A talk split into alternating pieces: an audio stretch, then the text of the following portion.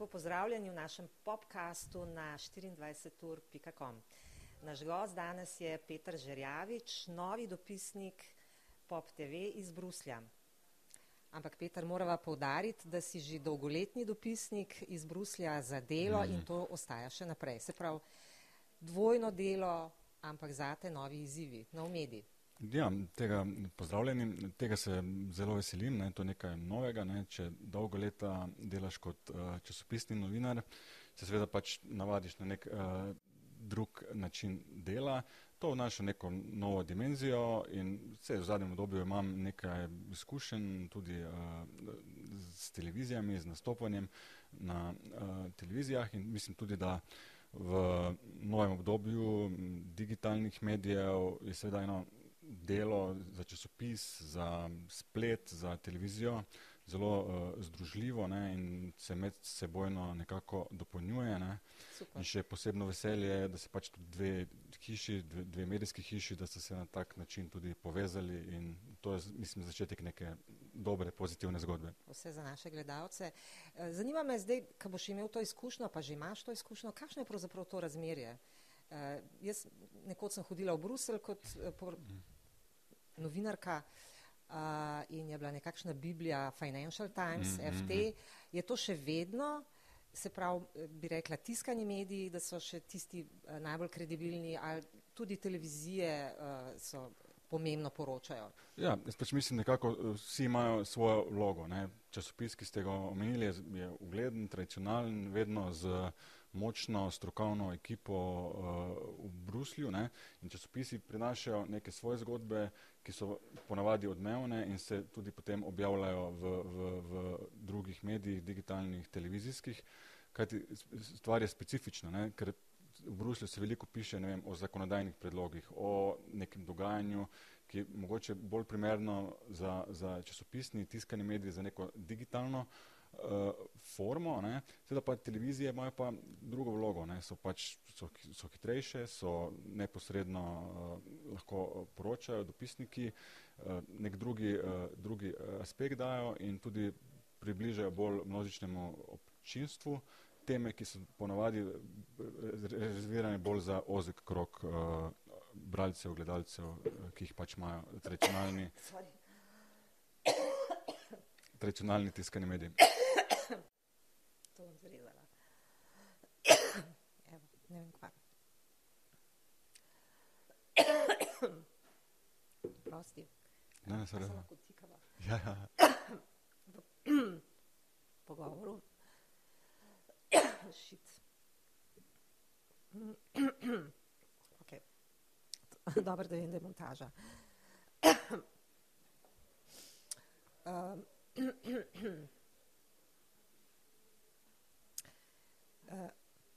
veliko vprašanje je, kako prodati uh, mm. gledalcem teme, da ne bojo rating killerji, da bojo gledalci gledali. Zdaj, mm. prvi, ki mi pride na misel, da je to delo najbolj, najbolje je bil Boris Johnson. Mm.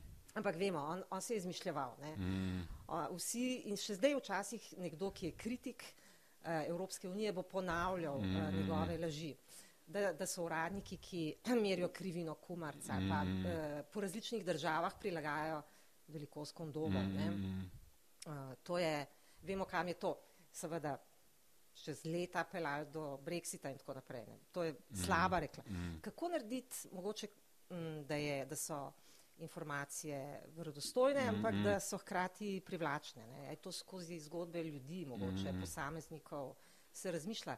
PR se mi zdi Evropske mm. unije v vsem denarju, ki ga mm. vlaga v to, da je nekak šibek mm. na nek način. Ja, tudi kljub številnim poskusom, ne, da bi uh, eh, EU delovala bolj politično ne, in s tem bolj po svoje atraktivno uh, za občinstvo, moram veriti, da je pač Unija še vedno v veliki meri se ukvarja z administrativnimi stvarmi, da je v bistvu to nek stroj, ki dela zakonodajo, ne vem, za 450 uh, eh, milijonov ljudi in s tem smislu je res zadeva uh, tehnična. Ne. Omenili ste gospoda Johnsona, on je bil dopisnik kar že, ne, mislim, da več kot 30 let nazaj mm -hmm. in on je pač razvil uh, ta slog, ne, ki pač resnica ni bila ravno neko vodilo ali uh, merilo za njegovo poročanje in naspod, tudi čez celo to Brexit zgodbo, ki si omenila, se pogosto so se te zgodbe uh, ponavljale. Ne? Jaz mislim pa za samim obdobjem kriz, v katerem uh, trenutno uh, živimo, začen, od finančne krize, dožniške krize, migracijske krize, COVID-a in drugih, uh, najbolj uh, tudi Brexita, ne? se mi pa vseeno zdi, da je EU postala smislu bolj zanimiva, ne? ker pač to je vseeno postalo neko središče, kjer se stekajo te silnice, stetišče uh, odločanja različnih uh, držav in da je s tem uh, samo vojna v Ukrajini, ne, se tudi vidimo, koliko se na koncu uh, povezuje z odločanjem v Bruslju. Ne. Vidimo, da vsaka slo večja slovenska odločitev, ne vem, bodi si uh, uh, ne vem, drugi blok nuklearke ali pomoč pri poplavah ali Schengen, vse stvari grejo nekako tudi skozi uh, uh, bruselsko sito ne, in na ta način se mi zdi tudi se to odločanje v EU in sama EU tudi približuje uh, občinstvu. Sorry. Pismo. Um, shit. Okay. Um, ne vem, nekaj me dražkle. Mm.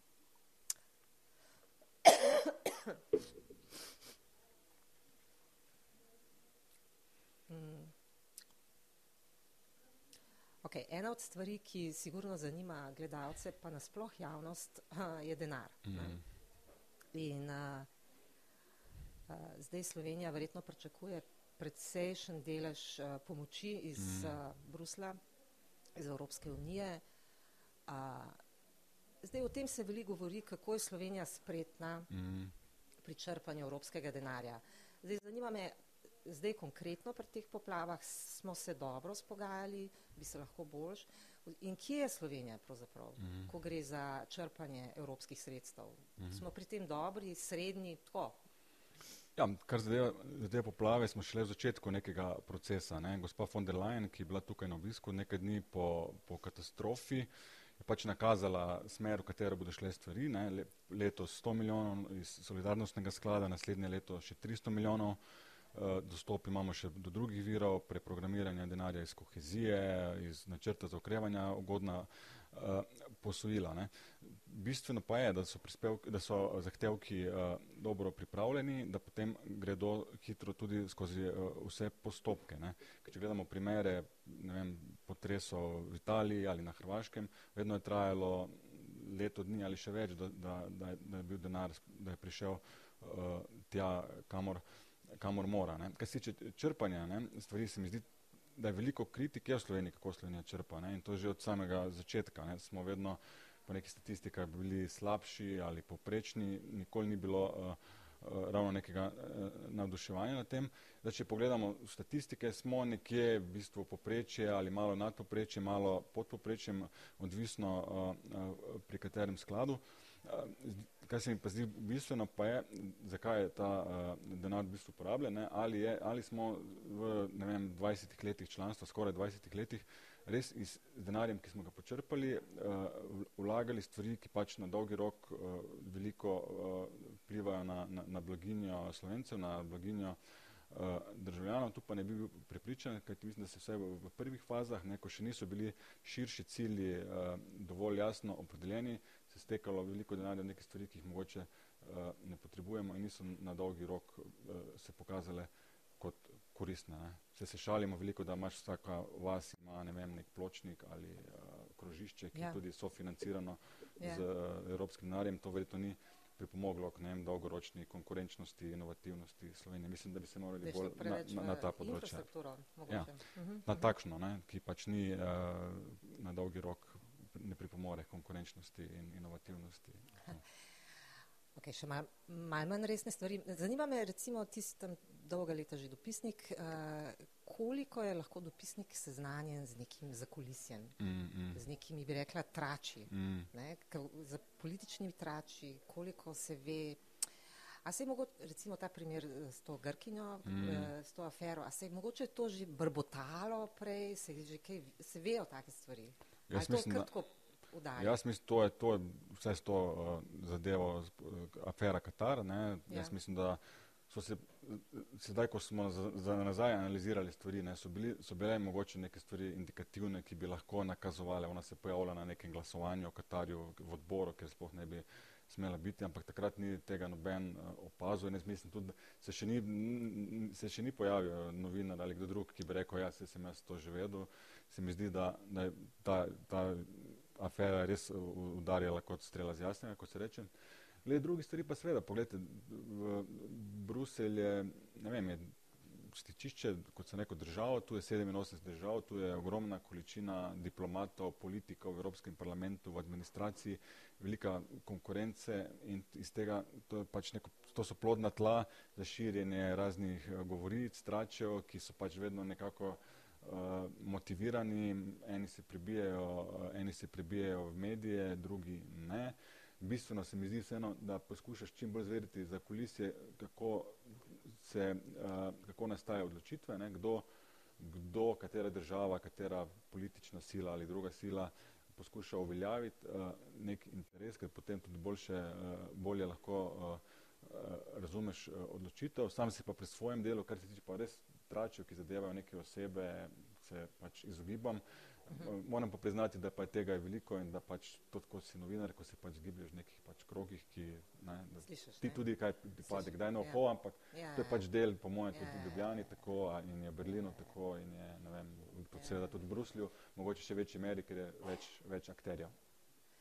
Okay, če smo že, uh, recimo, pri, to ni zakulisno, ampak zanima me, uh, brali smo o tem uh, glasovanju, ko je šlo za to resolucijo o obsodbi izjave uh, Mhm. obsojenega vojnega zločinca hrvaškega um, Kordiča in eh, trije slovenski poslanci so bili med redkimi, zelo redkimi Mhm. poslanci, ki so glasovali proti tej resoluciji, potem pa so čez nekaj dni v bistvu rekli, da so se zmotili. Mm.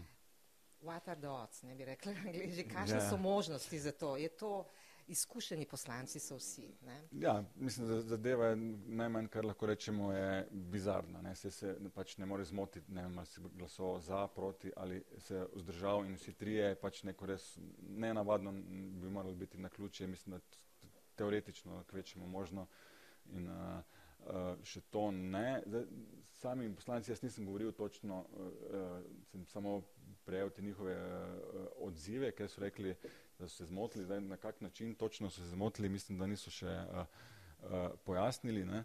Vseeno se mi pa zdi, da je bila najbrž v zadju, pri, ker šlo je šlo v bistvu za en amandma, ne, ki je obsojal to, uh, to izjavo uh, Kordiča, so imeli verjetno naprej pripravljeno, da bodo glasovali za in da niso niti dobro pogledali, o čem v bistvu glasujejo. Po, pomembno je, da so poslanci hrvaškega HDZ-a, da so tudi bili na, na, na, tej, na tej barki in da je mogoče iz tega nastala uh, kakšna uh, povezava glede njihovega ravnanja. Dejstvo pa tudi je, ko je pač se to razvedelo, ko je to izbruhnilo, so pa sami se uh, potegnili nazaj in rekli, da so se uh, zmotili. Ne? Ker bi težko pri takšni zadevi uh, kakorkoli upravičevali to uh, glasovanje, ker se mi pač zdi res šokantno, če bi res poslanci Slovenije uh, Absolutno. tako glasovali. Ne? Absolutno, da, da, da si proti obsodbi Mm. uh, nekoga, ki reče, da bi ponovil pokol Mm, sto ljudi, žensk, Mm, mm, starcev mm. in tako naprej, da, da pojasnimo, zakaj Ja, gre. ja. ne. Ja.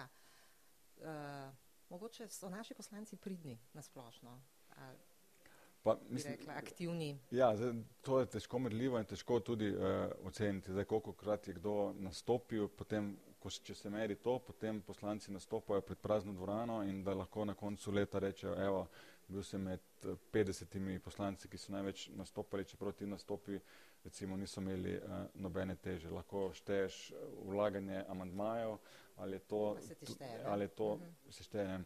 Mislim, da eh, resnici na ljubo, ne, če pogledamo pa celih, eh, ne, koliko smo, 19 let eh, članstva, ne, pa bi težko rekli, da so pač slovenski poslanci res, kateri koli od njih, ne, da je imel neko uh, večjo vlogo v, v Evropskem parlamentu, ne, ni bilo, vsaj upam, da se ne motim, no, ni noben imel, noben je bil predsednik uh, nekega uh, odbora, ne, v, tudi znotraj uh, svojih uh, strankarskih skupin, ne, Mhm, uh, mhm. izjemoma, da je kdo pre, prevzema kakšno vidnejšo vlogo. Ne, to ni verjetno zaradi tega, ker je Slovenija mehna, ampak zaradi njihove nezainteresiranosti oziroma nepripravljenosti. Ali... Ja, ali vprašanje je, ali si sploh motivirani, motivirani ali če, če si ti politik, mm. si verjetno odvisen od uh, voljivcev doma, si pač bolj usmerjen na yeah. Ja, ja, ja. zagotavljanje uh, podpore doma. Zdaj to majhne, ne vem, imamo druge majhne države, kjer imaš cel kup prepoznavnih uh, politikov, Politiko, med, če gledamo, ne vem, ok, se Luksemburg, Luksemburg je, je ekstremni primer, ne, ampak yeah. tudi vidimo, da bivše države vzhodnega bloka, ne vem, Estonija, uh, so zelo uspešne, so zelo. se prodajajo, ki so po prebivalstvu tudi uh, manjše kot ni, Slovenija. Ni ne? to izgovor, ne? Ni, ni ne more biti, ne? Mislim, to ne. je predvsem ja, ja. neko samo pomilovanje, se mi zdi, smo majhni, ja, ja. ja. nič ne moremo. Mislim, Priročno, ne? Ja, pride. Ja, ja. A, ni pa več, uh, zdaj bi rekli, da je bila viral, viralen posnetek, uh, ki je tudi star, kako poslanci pridejo s kovčki v petek, uh, se štemplajo, ne, dobesedno. Ja, samo zato, da, da poberajo tist, uh, ker eh, seveda poslanci dobijo, če se udeležijo seje, tudi mm. neko sejnino, ki je mm. par sto evrov. Ja. In potem s kočkom in gre direkt na vlak uh, letalo. Ne? In so Mislim, da jih je neka televizija. Ja, mislim, da to je RTL, ampak to je že kar enih. Mislim, je staro, ne. Takih ekscesov si pa ne dovolijo ja, več. Zdaj se da pač vsakdo, če bi jaz bil poslanec, seveda bi se bi povedal, da bi se vsi previden ja. in se izogibaš taki, ja, tak ja. zadevam sploh ja. zdaj, ker je pač vsa glasovanja, vse se vidi in kje, kdo so verjetno vsi postali uh, bolj pazljivi. Ne pa nekaj fenomenov, pač, ki uh, vseeno padejo uh, v oči, recimo, da prvi dan zasedanja ponedeljek, ne šele pridejo šele pozno, ne na sam začetek, uh, poslanci, številni poslanci, ok, izgovarjajo se na logistične težave, mhm, prometne, mhm. težko pride do Strasbura, ni vedno uh, uh, enostavno. Ne. Tudi me, vidimo med samimi razpravami, ne, parlament si zelo želi vedno vsaj deklarativno pojasnila Evropske komisije o ne vem, različnih temah, o katerikoli temi. Ne. Vidimo potem nastopajo zvečer ob 9-10 uh, evropski komisari, pojasnjujejo zunanje politične ali katerekoli druge teme pred popolnoma prazno dvorano, kjer je not, ne vem, pet poslancev. Ne. Tako da mislim, da bi to vseeno morali malo na nek racionalni način se tega lotiti, ali to, to sploh še ima uh, kak smisel. Sveda poslanci imajo, ko so v Strasburu ali v Bruslju, to druge obveznosti, morajo, imajo svoje politične skupine, odbori se zasedajo, pripravlja se zakonodaja. Uh, ne vem, ampak se mi zdi, da, da vseeno prej si omenila PR komunikacijo, gledanje praznih dvoran med zasedanji gotovo ne pripomore k ugledu Evropskega parlamenta. Yeah. Ja, ja na zadnjem obisku eh, na vabilo Evropskega parlamenta, mislim, da je bilo od ponedeljka do četrtka in na tem letalu v Ljubljano je bilo kar nekaj slovenskih poslancev, mm. ne, se pravi, teden končaš praktično v sredo. Ne. Mm. Tako da, uh, če lahko še na hitro se dotakneva, mogoče še razmerja sil znotraj Evropske unije, se manjša vloga Nemčije, to Slovence verjetno tudi, predvsej smo vezani gospodarsko in tudi, mm. bi rekla, Nemčija je nekakšna eh, svetla točka za Slovenijo, uh, se manjša njen vpliv. Ja, pač, mislim, jo je oslabila ta vojna. Eh, Nemčija še vedno, Rusija, ne, Ukrajina. Nemčija še vedno pač največja uh, evropska država po številu prebivalcev, ne, ne, seveda prva tudi uh, gospodarska sila, na katero je vezano kopica sosednjih držav. Ja. Slovenija ni soseda, ampak je gospodarsko kot da je uh, soseda in smo mm, pač mm. v veliki meri tudi uh, gospodarsko seveda uh, odvisni od uh, gibanj uh, v Nemčiji. Ne. Uh, Nemčija ima trenutno težave, pač mislim, da je točen podatek, da je edina, edina od držav uh, uh, G7, ki ne bi bila letos z negativno gospodarsko rastjo, ne, ima številne pač težave, vidim, mislim, rast svetovnega gospodarstva je nižja, manjši izvoz na, na Kitajsko, inflacija, uh, niža uh, domače popraševanje, uh, cel ta energetski prehod uh, z, z vsemi težavami povezanimi, uh, odvisnost uh, bivša od Rusije, od ruskega ja, plina, ja, draže, ja, posledično ja. dražji viri energije za, za, za podjetja, proces deindustrializacije, ki se je že prej začel.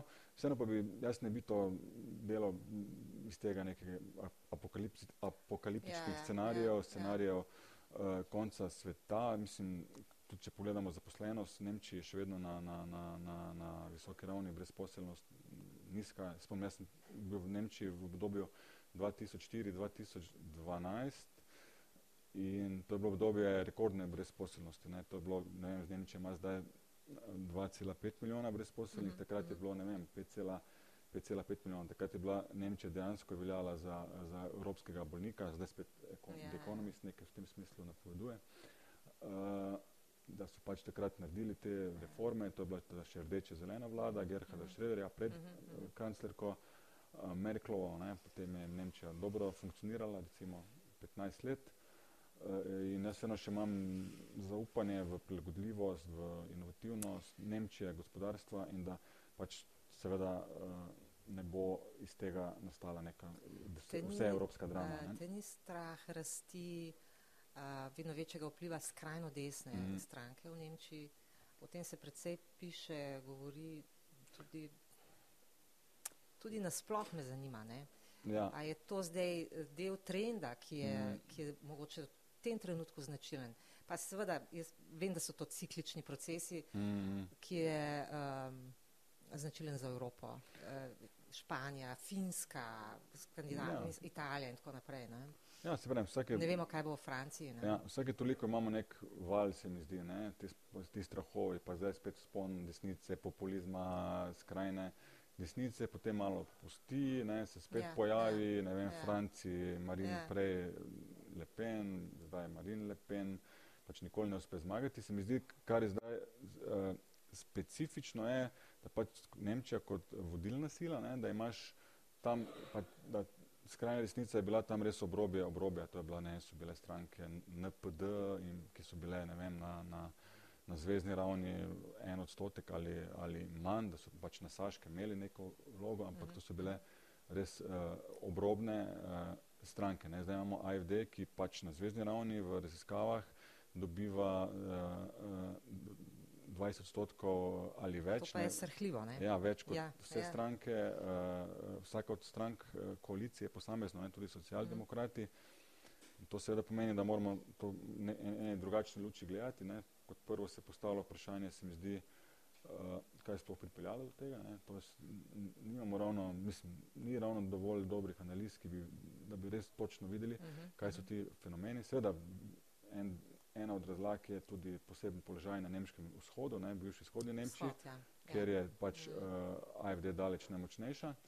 Ampak ni samo to, ne, tudi na, na zahodu je močna in tudi 30 let po združitvi ali še več, ne, je vprašanje, ali še potem lahko v teh kategorijah uh, uh, razmišljamo. Ne, in drugo vprašanje je, kaj narediti, ne, kako se uh, ja, lotiti ja. tega, ne, da je to bo imelo nek vpliv in na notranja nemška razmerja ne, in omenjamo pač evropske volitve junija, ne, uh -huh, tudi, bo tudi uh -huh. po vseh projekcijah se bo ta radikalno desni uh, tabor uh, okrepil. Ne.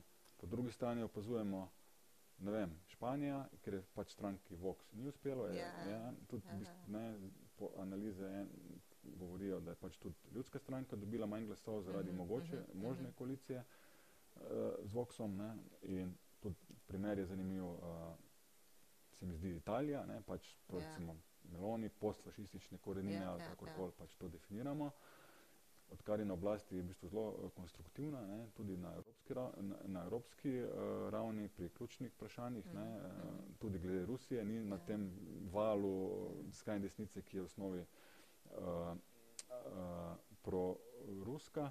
In tudi vidimo znotraj EPP, to je pač ta zmerna, ja, krščanska ja. demokracija zmerna, desnica obstaja kar močna pripravljenost tudi na povezovanje uh, z mhm. Melonijevo, ne, mhm, ne glede mhm. na pač tiste korenine, ki se. Pri njej se je vlečejo, pač to pokazalo, da ko prideš na oblast, se omehčaš. Ne, ja.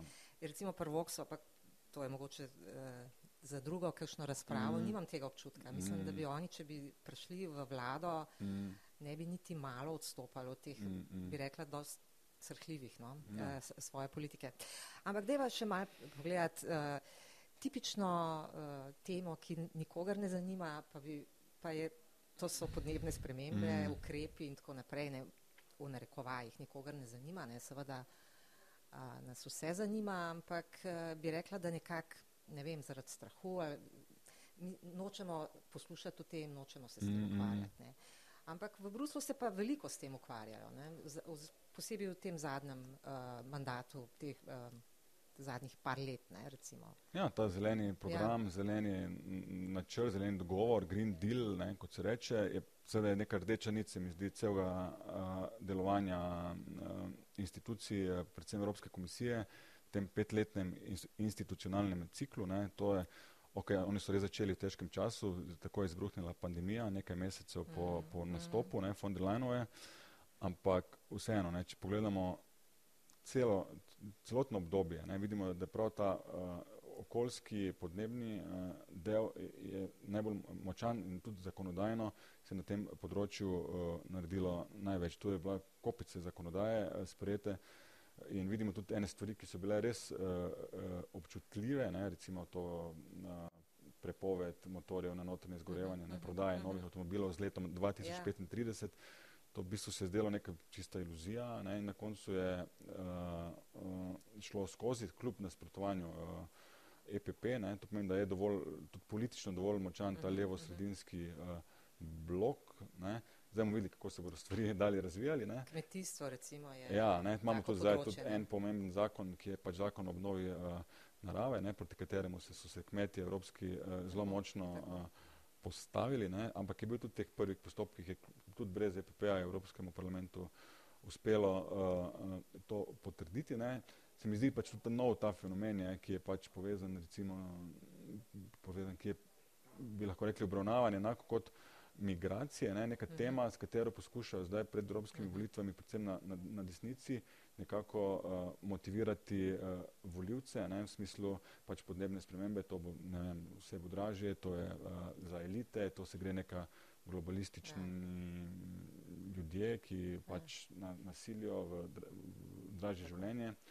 Vidimo, da cel kup desničarskih strank odkrito dvomi o, o, o, o vplivu ja, ja. človeka mm, na mm. Uh, spremembe ne? in vidimo, kakšni so odzivi stalno ne na to na Greto in na, na vsak ta. Ja, uh, ja, ja.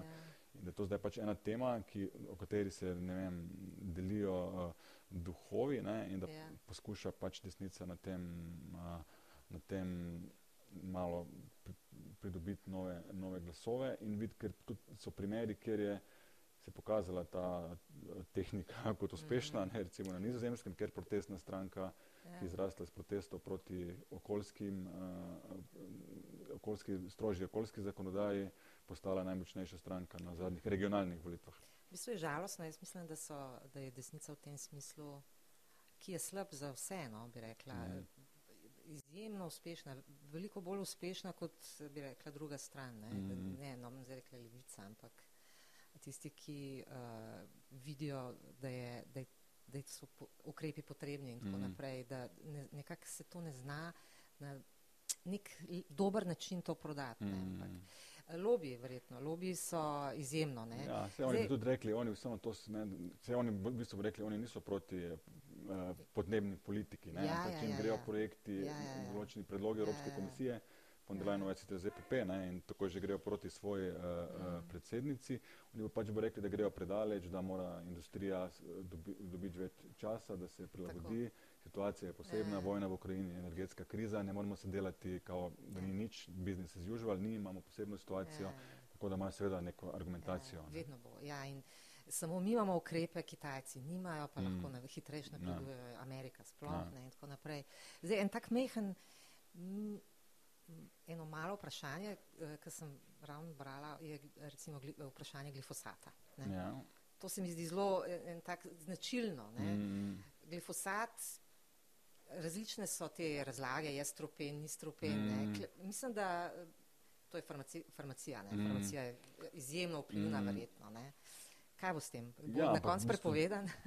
Ja, ne, da, da, vedno se sklicuje, jaz, to se vsako leto, dve leti, ko se podaljšuje to ja, uh, ja. dovoljenje, ja. tema izbruhne. Ne. Zdaj, koliko sem jaz in kar lahko pač o tem uh, rečem, je, da so pač vedno vse pristojne institucije, ne, ki so o tem odločile, uh, so vedno predlagali odločitev v korist nadaljevanja, uh, nadaljevanja yeah. Ja. uporabe, yeah. Ja. uporabe uh, glifosata ne, in da so pač drugi, drugi scenariji, da bi uh, uh, bili slabši. Ne.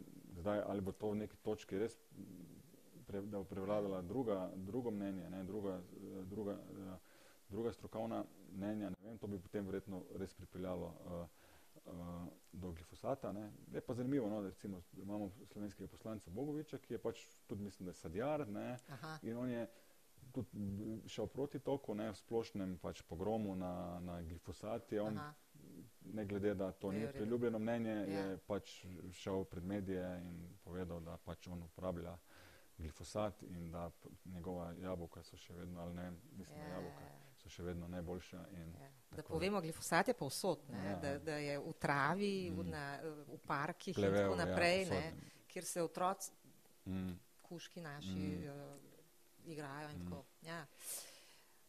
Uh, zanima me, kako ti si tam dolga leta, kako je uh, videti Slovenija iz Bruslja, kako jo vidijo, kako jo komisija vidi, kako jo so članice vidijo, mm. je, je to izpade kot neka tečna država, ki, ki ne, ne zna reševati problemov znotraj, ampak se ni, stalno prenaša, bi rekla, to žari, mm. uh, napadi na medije, tako, drugač, druge stvari. Kako?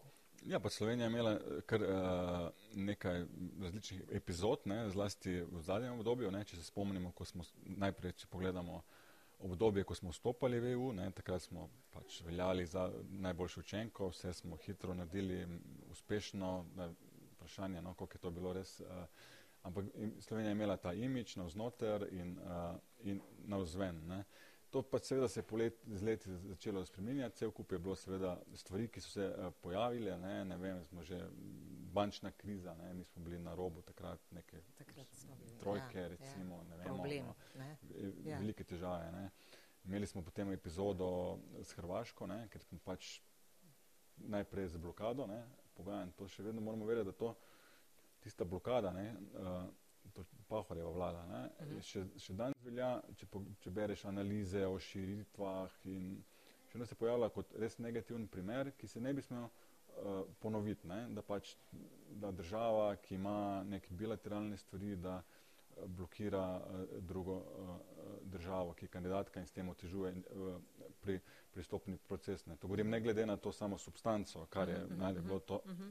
ali bilo to pravičeno uh, ali ne, ne, kar je nagla Slovenija. To zgodba s Hrvaško se, ne, se je nadaljevala, ne? tudi potem z arbitražo, arbitražno razsodbo. Ne? V tem smislu smo mi na koncu pričakovali, da bo uh, sodišče uh, eh, EU tisto, ki bo eh, reklo ja. zadnjo besedo. Ne, to, bilo, to se je pa že lahko videlo naprej, ne, da je to mhm. ni bilo ne, mednarodno pravno, diplomatsko, politično premišljena uh, odločitev, ne, da ja, pač ja. takrat vlada uh, uh, Cerjeva po mojem, uh, po, kdo večjega na svetih, ne, hitela uh, s to tožbo, ne, ki se je ja. na koncu tudi uh, sfižila in definitivno ni, ni, ni uh, okrepila položaja Slovenije v, v, v tej zgodbi. Ne. Imeli smo še potem seveda ta teran nesrečni in vseh ja.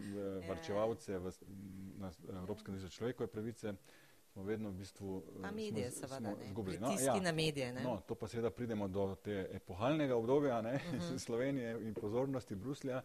Je pa uh, tretja Janševa vlada, ne, ki pač začela se z nekim, ne vem, neki, uh, vojno z mediji, ki je, mislim, da celo nekaj, recimo temu esej napisal, tedajni uh, pre, uh, premije uh, in z ofenzivo, ne, pač se ukvarjal z vsako kritiko, dobro namerno ali brezvezno na, na Twitterju in je polemiziral z tujimi novinarji, politiki, uh, dopisniki. To je nenavadno, ne? to, je to se ne dela. Ne? Ja, mislim, se mi zdi tudi z nekega vidika, da premije pač državi EU v času krize, pandemije, v času predsedovanja svetu EU, da ima nek premije čas, da se pač na Twitterju tam bocka z, ne vem, z enim novinarjem ali pa z nek, nekim analitikom ali s komerkoli neprimerno. Jaz tudi se, se v bistvu ne spomnim, da, da, da bi katerikoli uh, drug uh, premije, ne, član Evropskega sveta, komuniciral uh, na ta način.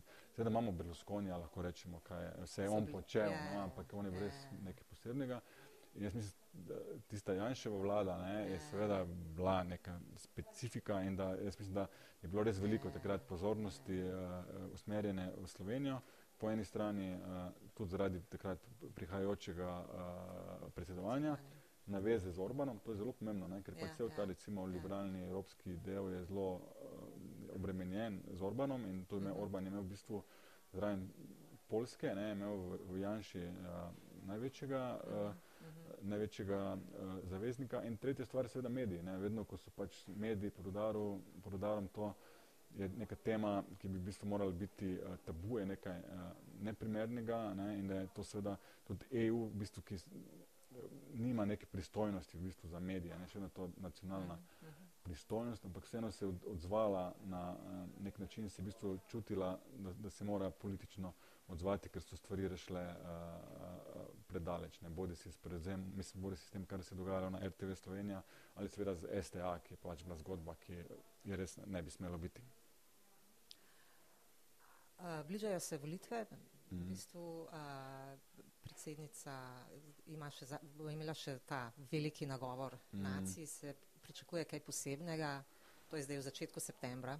Ja, jaz pač mislim, da eh, ta uh, govor o stanju v Uniji je pač že postal neka tradicija po zgledu ameriškega. Amerike, ne? ja, Ja, ja. Se mi zdi, da nikoli ni, ni to Ja, ja. do, dobilo teh razsežnosti. Ne? To bo zdaj pač zadnji, uh, uh, zadnjič pred uh, uh, volitvami. To je že prvi element, zaradi katerega bo pač več pozornosti usmerjeno uh, v ta govor. Drugo je, da pač živimo res v dramatičnem času, koliko se zavedamo ali ne, pač imamo vse te energetsko-podnebne Mm. zgodbe, vojna v Ukrajini, ki je verjetno se še nave, ne zavedamo točno, koliko velik je to uh, pretres za, za, za, za, za celo Evropo, za, za, za vse, Evropa za vse nas.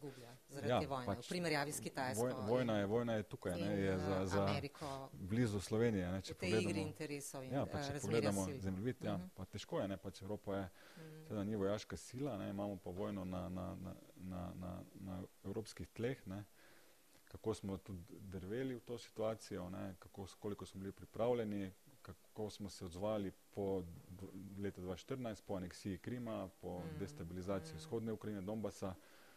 Kako, smo se, kako so mnogi mislili, da pač seveda bomo pač s Putinom dalje delali enako, pač neke kvazi sankcije, ampak vse bo ok, zdaj imamo res vojno velikih razsežnosti z nobeno perspektivo miru, ki je Ja. ne, ne vidimo.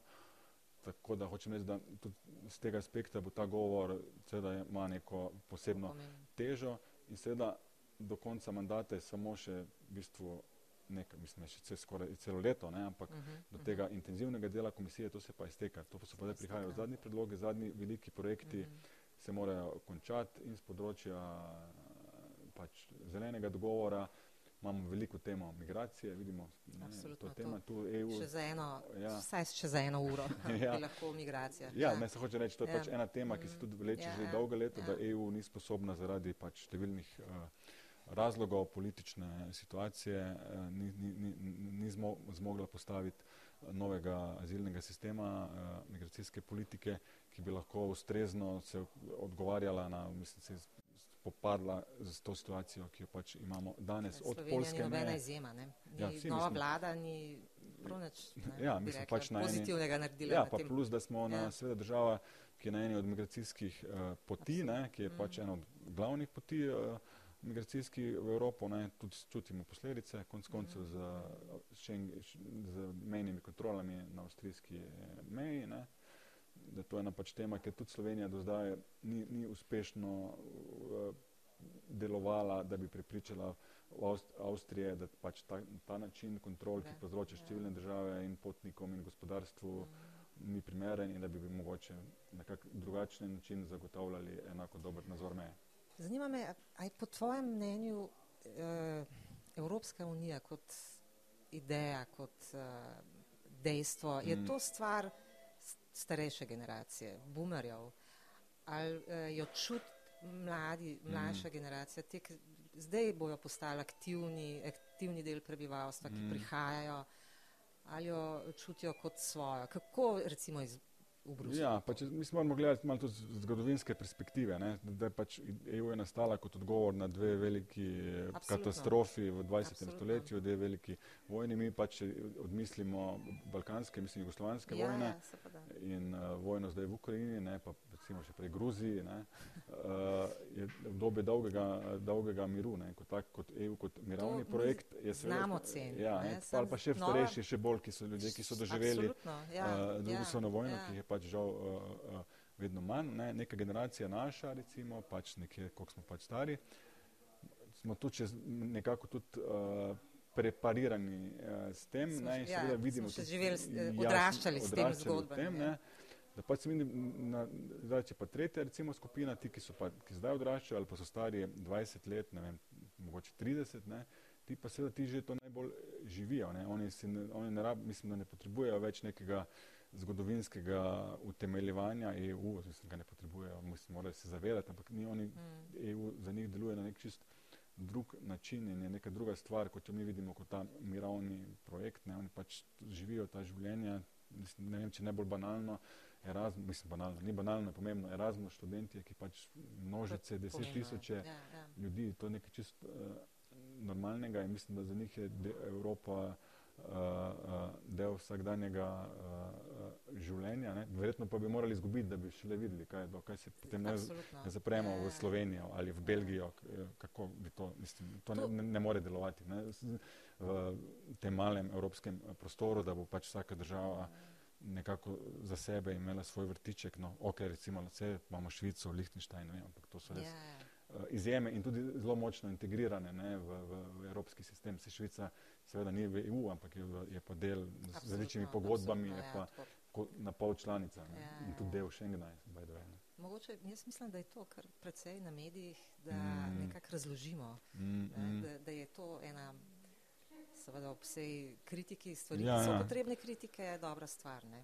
Ja, je Mogoče seveda... taki obiski, kot je bila zdaj uh, ta, uh, ob na, poplavah v Sloveniji, mm. ne, lepa gesta. Ne, ja, meni men se tudi pač, se mi zdi, da predvsem v tej težki situaciji, ne, se je pač ona je pripotovala, je, je je pokazala tudi neko sočutje, ne, je bilo to zelo očitno ne, in da to je, se mi zdi, bilo pozitivno sprejeto tako pri neposredno prizadetih, kot tudi pač pri nasplošno slovenski javnosti, ena gesta, ki je očitno ona s tem neko pozitivno uh, uh, sliko, pozitivno uh mhm, -huh, podobo uh mhm. -huh. postila in tudi neko vlogo, ki jo pač lahko je, uh, EU ima. Ne. Zdaj, da moramo biti pozorni in paziti, kaj se bo v prihodnih eh, obdobjih dogajalo. Ne, ne moramo pač izključevati seveda, da se bodo pojavljale težave pri črpanju tega denarja, da, se bo, da bodo zamude, da bodo stvari uh, dolgo trajale, da bo mogo, morda spet kdo okrivljal bruselsko administracijo, ker ne sprosti sredstev ali Čeprav kaj takega. Bomo ne. sami krivi, ne? Evo, to, mislim, da so to zgodbe, o katerih boš poročal ne, uh, našim mm. gledalcem. Jaz se veselim mm. uh, tvojih uh, tem, zgodb in veliko sreče. Najlepša hvala, mi je veliko veselje. Okay. Hvala.